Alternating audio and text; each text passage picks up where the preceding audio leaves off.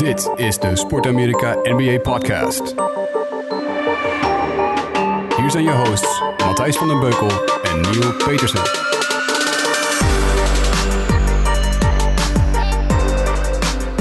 Zo, nou, je hebt onze stemmen vast gemist, maar we zijn er weer. NBA podcast na de finals. Neil aan de andere kant van de lijn. Jongen, hoe is het met je? Matthijs van den Beukel. Hi. Het gaat heel goed. Eh, ja, we moeten natuurlijk een beetje onze excuses aanbieden aan Ja. onze trouwe luisteraars dat we tijdens de play het finals, want tijdens de playoffs waren we natuurlijk wel steeds, eh, er niet waren. Maar eh, het was steeds een beetje passen en meten, passen en meten. En het is dus ooit ontstaan als een grap, of niet als een grap, meer een beetje als een, eh, ja, als een leuk probeersel. En uiteindelijk eh, maakten we elke week één of twee eh, podcast. Ja. Dus eh, we hebben al voorgenomen, volgend seizoen, ja, dan zijn we gewoon structureel. Gaan we een vaste dag uitzoeken, misschien nog wel meer bij mooie momenten. Maar ja, we hebben gewoon heel veel genoten van de basketbal en zijn daarover eh, niet met elkaar in gesprek gegaan. Nee, nee, we hadden hem een paar keer gepland, maar eh, het leven gebeurde. Er kwamen steeds dingen tussendoor. En eh, ik moet zeggen dat ik het ook wel gemist heb hoor. Ik vond het wel fijn om gewoon elke week even een keertje met jou te zitten. En te praten over de NBA. Dus laten we gauw gaan inhalen. De finals zit erop, de Warriors zijn kampioen. Ik ben zielsgelukkig, maar ik moet eerlijk zeggen... ehm, het is een beetje, eh, het is een beetje, het, is niet, het is niet de feestvreugde van vorig jaar. Het is ook niet de feestvreugde van het jaar, de, de twee jaar daarvoor.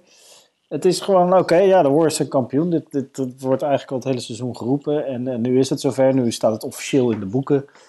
Ehm, maar eigenlijk niet heel, niet heel bijzonder. Ik denk dat ik veel meer emotie had gehad als de Warriors niet hadden gewonnen. Ik ben een beetje, beetje vlak. Wat heb jij? Wat, wat, wat is jouw gevoel? Ja, he- hele vlakke finale eh, en eigenlijk game one. Hè, dat was natuurlijk eh, wat J.R. Smith daar deed. Nadat eh, de Cavs een vrij woord misten om hè, de overwinning misschien wel te pakken. Die vervolgens de bal weg ja, dribbelt, vervolgens om zich heen kijkt. Geen idee meer op welke aardbodem hij staat. En vervolgens verliezen ze die wedstrijd naar OT. En daarna is het eigenlijk klaar geweest. Ja, echt heel, heel, heel bizar was dat. Ik, heb, Ik denk, de, Ja. ik denk dat de finale voor mij eh, was eh, Houston tegen, ook, eh, tegen Golden State. De finale van dit jaar, toch? Ja, qua niveau, qua Ja. teams zeker. Ik vond qua, qua spanning en verhalen en, en interesse vond ik bijna misschien nog wel Boston tegen Cavaliers een, een mooiere finale qua verhaal. Eh, maar ga qua beste teams, ja, dat was natuurlijk Rockets tegen, tegen, de, tegen de Warriors. Dat moment even van J.R. Smith, hè, dat J.R. Smith game, waar eh, we natuurlijk allemaal gewoon ruim een week over gelachen hebben, totdat eh, de burner-accounts van de, vrouw van, van de, van de Colengolo tevoorschijn kwamen. Daarover later misschien nog meer. Ehm, dat moment van J.R. Smith, daar gebeurde, s- daar gebeurde eh, zoveel dingen. Daar gebeurde, eigenlijk waren er drie dingen. Waar, we gooien het op J.R. Smith omdat hij de bal in zijn hand had. Ehm, maar er gebeuren eigenlijk drie dingen waarmee de Cavs die finale weggooien. Of, of die wedstrijd weggooien in, die paar seconden dat vanaf het moment dat George Hill de vrije woord neemt. Hij mist hem. Als hij hem had geraakt, hadden ze één punt voorgestaan. Eh met vier, vijf seconden te gaan. Dus dat is, eh, nou ja, dan verhoog je je winstkansen aanzienlijk. Nu stonden ze gelijk. J.R. Smith pakt een rebound. Nou, dat is top, want dan kun je hem erin gooien, zou je zeggen. Of uitpassen naar LeBron James, dan gooit hij hem erin. Gebeurt niet, hij dribbelt hem uit. Dus J.R. Smith is het tweede wat niet goed gaat. Maar dan blijkt ook nog, en ik weet niet of je dat filmpje nog gezien hebt, blijkt ook nog, ze hadden nog een time-out. Ah, dat filmpje heb ik honderdduizend keer gekeken. Wat een emotie. Dat is sport, hè? Dat is, ja, ik Ja. vind het misschien wel het, eh, het, het sportmoment van het jaar. Gewoon LeBron Maar James. vind jij dan ook dat hij dan goed reageert? Of moet hij meer als een teamspeler daar anders op reageren? Ehm, Want hij is, Als je- daar, als is je- die- hij is daar kapot, hè? Ja, hij is je- kapot daar. ik wou zeggen, als je alle romantiek en alle emotie en alle menselijkheid uit het moment stript. Ja, tuurlijk moet je dan zeggen, oké, fuck it, we gaan weer verder. Maar we hebben het, dit is game one van de finale. Ze hebben het onmogelijk gedaan. Ze hebben de, de wedstrijd in handen. Ze, kunnen hem, ze hadden hem kunnen beslissen. Eh, hij heeft dat team al het hele seizoen op sleeptouw genomen. Nou, je hebt het zelf gezien tegen, tegen de Celtics. Dat, dat was LeBron, LeBron, LeBron. Tegen de Pacers was het LeBron, LeBron, LeBron. Nou, de Toronto Raptors zijn weggevaagd. Maar die man die is op, die zei na elke wedstrijd tegen Boston, zei hij, ik ben zo moe, ik ben zo moe, ik ga Ja. nu naar huis, ik ga slapen. En dan komt dat moment, op het moment dat je hem gewoon had kunnen hebben, en dan krijg je dat te horen van je coach, van we hadden nog een time-out, we hebben hem niet gebruikt. Ja, hij is ook gewoon. ja. nee, daarom is het zo'n goed filmpje. Weet je wel? Daar zie je de menselijkheid van LeBron James. Daar zie je niet de robot, daar zie je niet de machine, daar zie je niet de PR, PR-machine. Dat is gewoon. eh, ja, dat was echt. En dat maakt hem ook mooi. Ik vind dat eigenlijk. Ja, ik denk dat dat toch wel. eh, het hoogtepunt van, eh, van de finals was voor mij. Dat, dat, dat filmpje. Ik heb inderdaad ook een paar keer terug zitten kijken. Ja, en ja, eh, wordt er al gehuild, denk je, in eh, Cleveland? Nou, hij zei eh, bij zijn laatste persconferentie, zei hij, eh, vroegen mensen aan hem, speel je volgend jaar nog voor Cleveland of wat ga je doen? Weet je al wat je gaat doen? Nou, uiteraard zei hij, ik heb geen idee. Wat zei hij niet? Dit, is mijn, dit is mijn stad, dit is mijn plek, we hebben hiervoor gevochten. En hij had niet over Cleveland. Hij zei alleen, ik heb geen idee. Ja, dat geeft niet veel vertrouwen, denk ik, voor Cleveland. En ik zag op The Ringer trouwens een heel interessant stuk... waarin ehm, met een aantal goede argumenten plausibel werd gemaakt... dat hij volgend jaar bij de, bij de Boston Celtics speelt. Ja, ja nee, absoluut. Want ehm, het gaat een beetje over ehm, of jij, hè, lees sowieso dat stuk op, eh, op The Ringer. Eh, trouwens, fabelachtige coverage of de NBA Finals hebben ze daar. Ja, compliment. Dagelijkse podcast, eh, hele tof artikelen. Maar het ging meer over dat. Wat wilt hij nog? Nou, hij wil strijden om een kampioenschap. Welk team is er het meest klaar voor? Nou, als je naar het oosten gaat, moet je überhaupt maar kijken of je voorbij de Golden State Warriors komt. Eh, of in het westen, of je dat überhaupt eh, voorbij ze komt voordat je naar de finale komt. Nou, in het oosten is die weg wat makkelijker.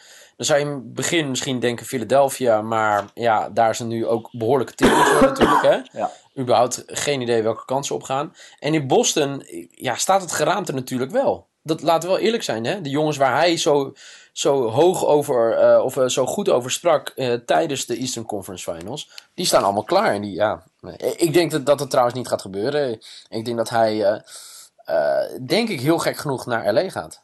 Ja, ja, ja, ik, ik snap, ja. Ik denk dat Maar over je... LeBron gesproken, hè? Ja. He- Hebben we eigenlijk, kijk, het het is natuurlijk krankzinnig. Hij heeft vandaag, hij heeft dit seizoen gewoon alle 82 wedstrijden hè, heeft hij gespeeld. Dat heeft hij voor het eerst in zijn carrière gedaan. Hè? Dat is zijn vijftiende seizoen. Ehm, nou, hij heeft eh, voor mij voor het eerst in 8, 9 jaar eh, het gemiddelde aantal punten. eh, hè, 27,5 punten eh, had hij tijdens de regular season. Dat is het hoogste sinds eh, 2009, 2010 voor mij uit mijn hoofd. En ja, hij was natuurlijk bizar goed dit jaar. Ja, bizar. Hij heeft zoveel gespeeld. Echt waanzinnig, wat een speler. Hè? En hij heeft dus de finals ook nog met een, een zwaar gekneusde hand gespeeld.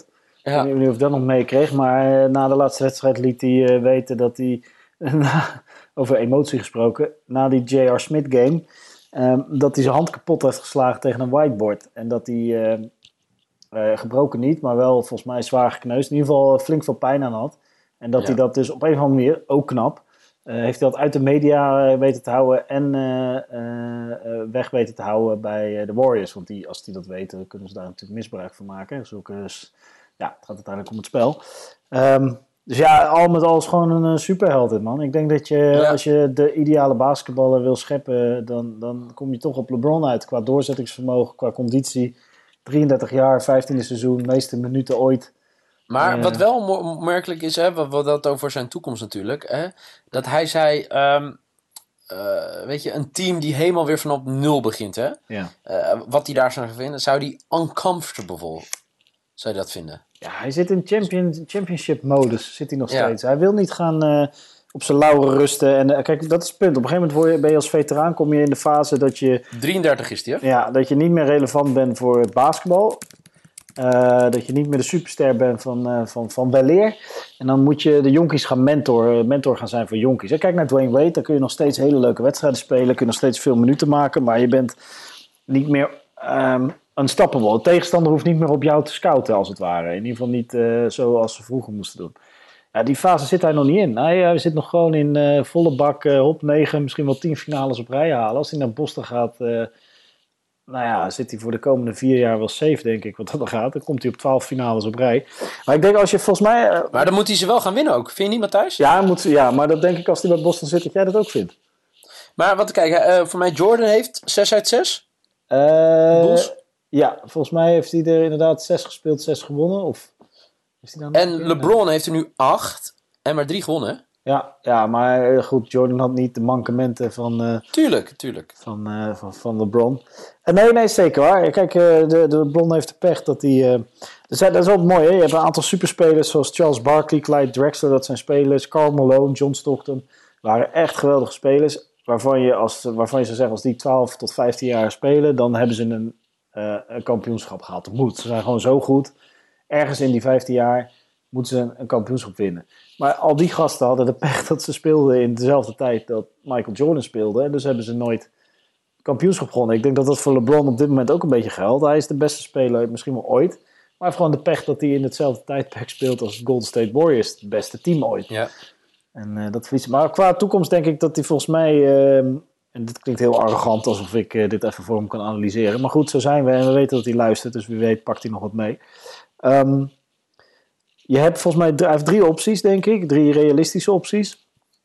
En dat is eh, family, dan blijft hij bij de Cavs. Dat is business, dan gaat hij naar LA en dat is basketbal. En dan zou hij eigenlijk naar Boston moeten, misschien de Spurs. Maar ja, dat zie ik ook nog niet zo snel gebeuren. Hij heeft wel, schijnt wel een meeting te hebben met Popovic. Maar eh, ik denk dus, dus het, ja, wat, wat wil hij? Wil hij? Gaat hij voor zijn family? Ik bedoel, zijn kinderen zijn ook weer wat ouder. En eh, toch ook gebonden aan school en vrienden en, en dergelijke. Gaat hij voor business? Dat zit allemaal in LA. Eh, of Ja. gaat hij voor eh, basketbal? Ja, dan zou ik, als ik hem was, voor, eh, als hij niet naar de Warriors kan, dan zou ik voor Boston kiezen. Denk ik.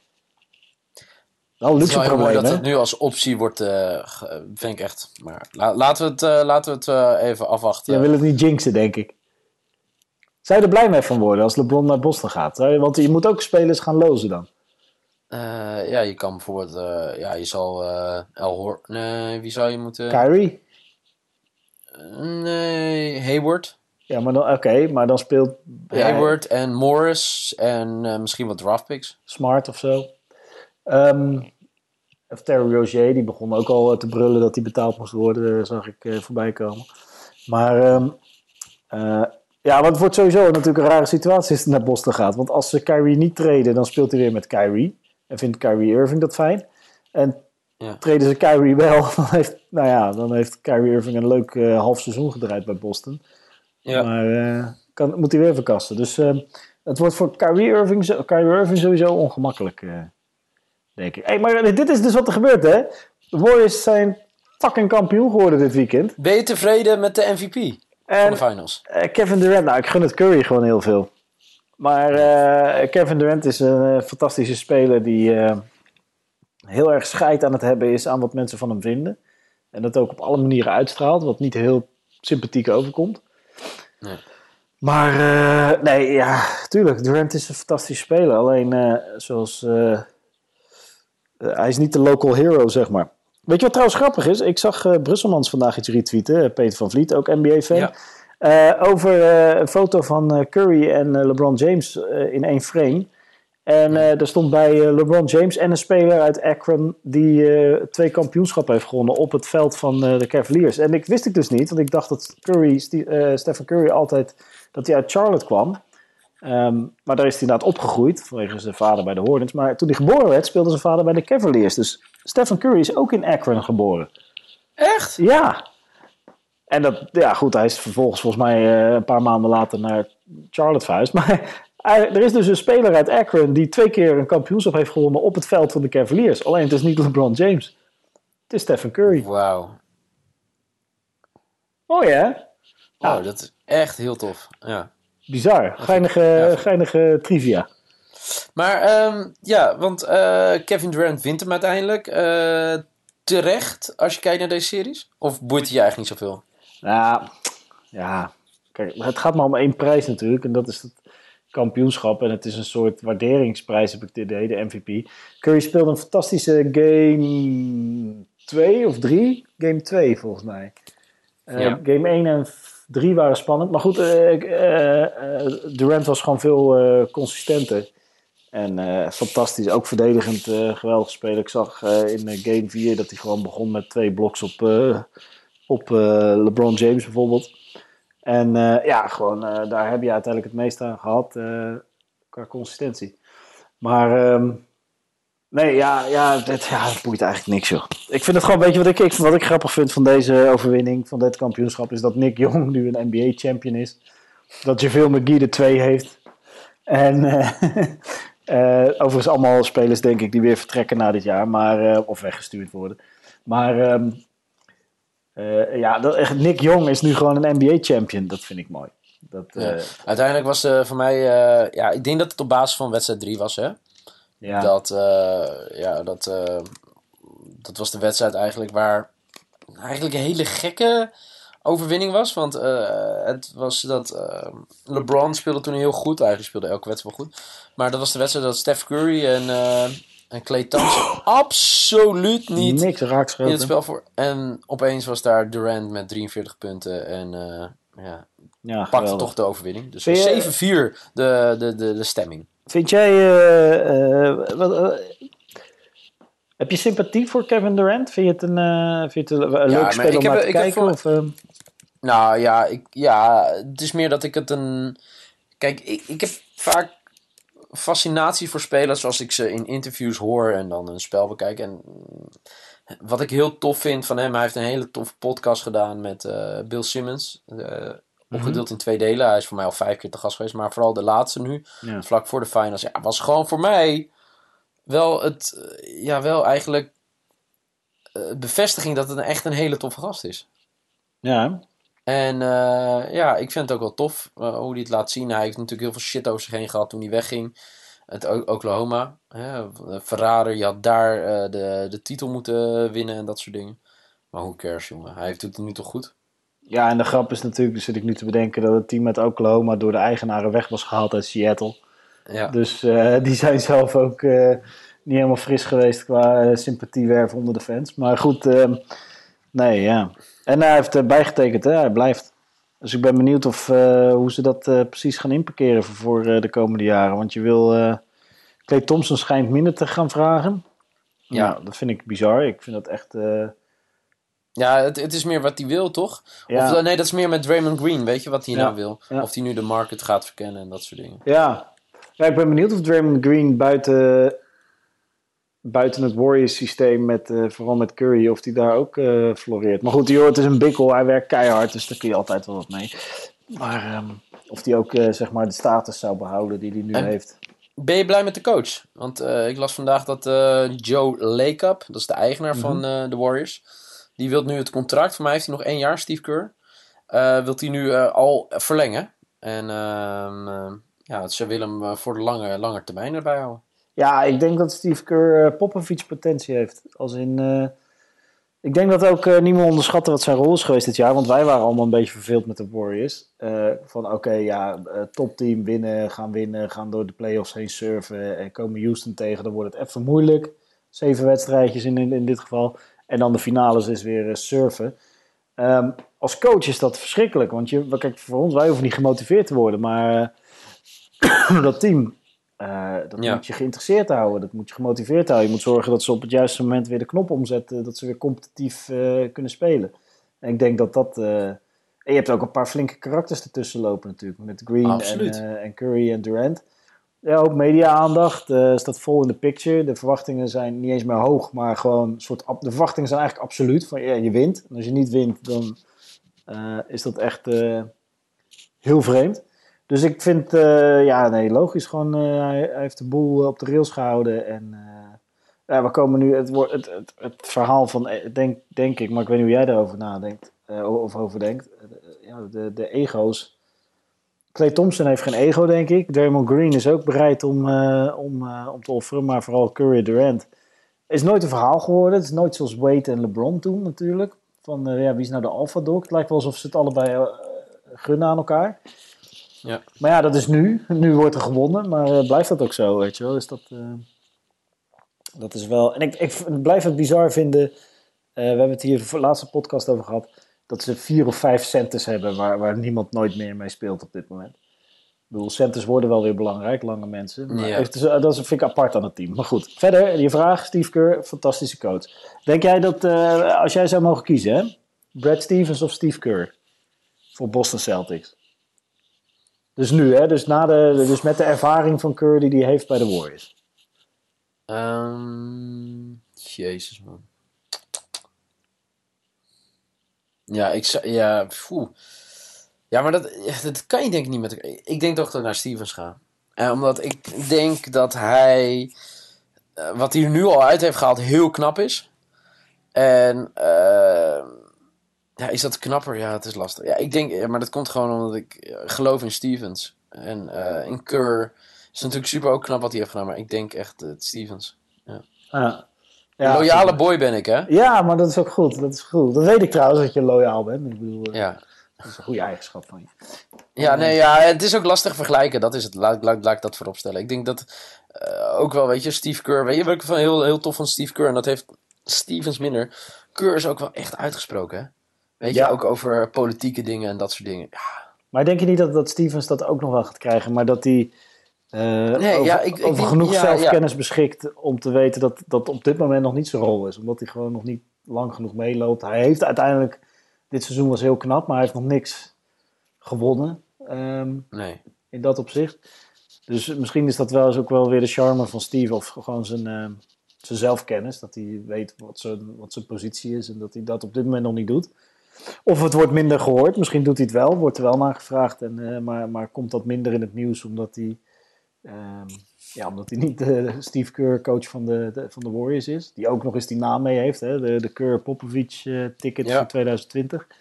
Dus eh, dat zou ook nog mee kunnen spelen.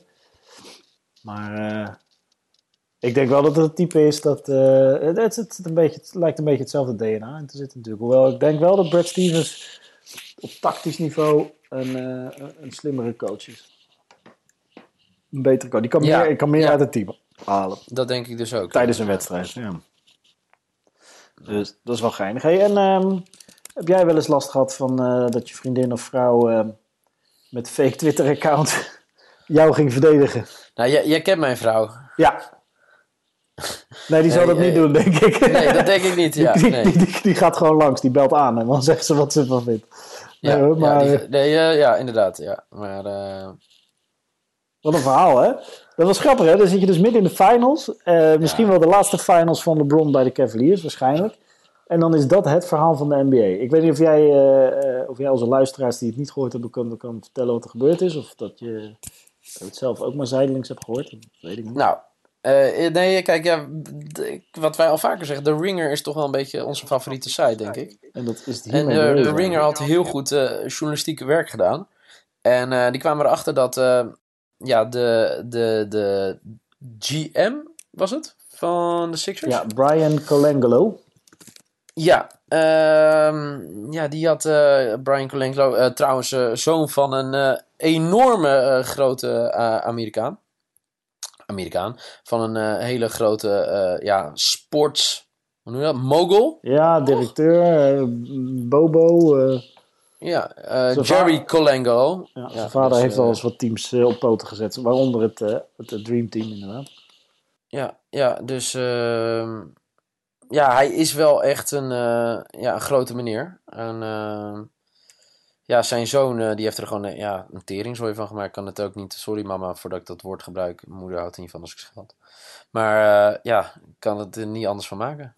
Nee, ja, dat je dus maar... Zij, ja, ja. Ze- Oh, voor de luisteraars die het echt, echt... Nou, dat, lijkt me sterk dat de NBA-volgers bij ons... dit niet mee hebben gekregen. Maar het gaat er dus om dat onder diverse accounts...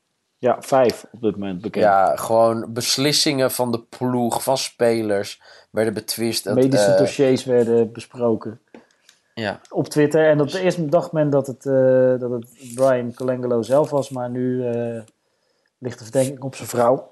ja. Wat trouwens fantastisch, hè? Wat een romantisch verhaal. Wat een liefde. Wat een... Oh, geweldig. Ja. Maar daarmee wel je man en eigenlijk het hele gezin de vernieling in helpen. Want eh, die komt natuurlijk nooit meer aan een baan. Die is eruit gestuurd, want die heeft niet meer het vertrouwen van zijn eh, ploeggenoot. Terwijl, Nee. ik bedoel, ik vertel ook over mijn collega's en eh, de dingen die ik meemaak op mijn werk bij eh, eh, eh, thuis tegen. Want je, daar, daar, je, je, praat met elkaar, dat gebeurt wel eens als je tussen de podcast opnemen en het werken door eh, tijd ervoor hebt. Dus eh, alleen ja, dat dan zijn vrouw vervolgens allemaal Twitter-accounts gaat aanmaken om die gevoelige informatie eh, ter faveur van haar eh, man eh, de wereld in te slingeren. Dat is een beetje zuur. En ik vraag me af of hij het wist. En eh, Laten we, wat, kijk, het is allemaal leuk dat de vrouw nu de schuld krijgt, maar Je had het nooit moeten delen, die informatie. Zeg jij. ja, en of hij er nou echt, echt niks mee te maken heeft gehad? Ja, precies. Weet je wel, dat, dat is dus... Ja. Trouwens, Kevin Durant had vorig jaar eh kwam in de problemen met een burner-account. Ja. Dus blijkbaar is het wel een maar- dingetje. Ja, maar dit, dit- dit- het is wel een ding en ik ben wel benieuwd. We hadden ja. Dotan in Nederland, die deed hetzelfde natuurlijk. Dus, eh burner-accounts, woord van het jaar 2018. Ja. In ieder geval de. Overigens, de, de verliezende coach van, van de Cavs, die wil ook door, hè? Denk je dat ze met hem doorgaan? Ja, waarom niet? Ik denk, hij heeft dat team nu vier keer, of eh, ik weet niet of de eerste keer of hij het nou ook nog was, maar in ieder geval een eh, aantal keer naar de finale ga- gebracht. Hij heeft het, hij heeft het, eh, hoe heet het? Hij heeft een kampioenschap bezorgd in Cleveland. Dus eh, op zich is dat een redelijk succesvolle coach. Ik denk ook niet dat een ander het meteen beter zou doen. Nee. En, en ik moet zeggen, er is, ik heb een podcast geluisterd van de week, vorige week. Eh, dat he- van de Full 48 heette het. En daar zaten de drie beatwriters van de Cleveland Cavaliers. Eh, werden geïnterviewd. En beatwriters zijn gewoon de gasten die namens de een namens een lokale krant en de een namens ESPN en de ander voor volgens mij Bleacher Report. Die drie gasten volgden dat team overal. Dus die hebben vier jaar lang, vanwege LeBron, hebben ze dat team Ja, ja. overal heen gevolgd. Uitwedstrijden, thuiswedstrijden, trainingskampen, overal zijn ze mee. Dus moet je nagaan als dat de baan is die je hebt. en Je hebt ook een gezin thuis. Je bent gewoon 100, 150 dagen per, per jaar weg. Ehm, en ik denk dat zij als geen ander... Zij, zij hebben ook het vertrouwen van LeBron. Dus hij, eh, hij, ze, ze, ze keuvelen regelmatig met hem buiten de, de wedstrijd om. En zij... ehm, eh, zij zeiden over die geruchten dat LeBron de coach en de GM was, dat hij alles kon beslissen. Dat, dat, Ja. dat wuifden ze meteen weg. Zeg, dat is onzin. Eh Tyronn Lue is de coach en dat wil LeBron wil ook niet anders, want hij wil namelijk ook anderen de schuld kunnen geven als het niet goed gaat. Nou ja, dan kun je bijvoorbeeld de coach en de GM de schuld geven.